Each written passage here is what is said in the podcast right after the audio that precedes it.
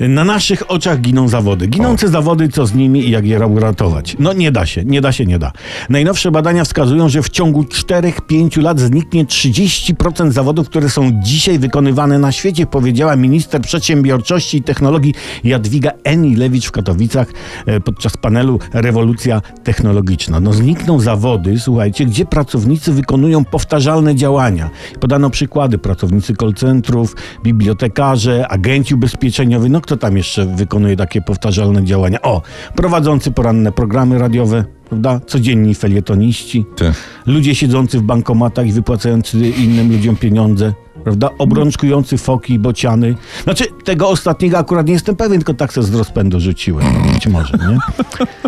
Ale też ze względu na taką specyficzną specyfikę naszego kraju zniknie też wiele zawodów, które uchowają się gdzie indziej. No, na przykład z powodów finansowych. Policjant. Już teraz wielu policjantów odchodzi ze względu na niskie zarobki i dodatkowe obowiązki, na przykład sypanie konfetti na procesach, prawda? A chętnych do policji, jak czytałem, coraz mniej.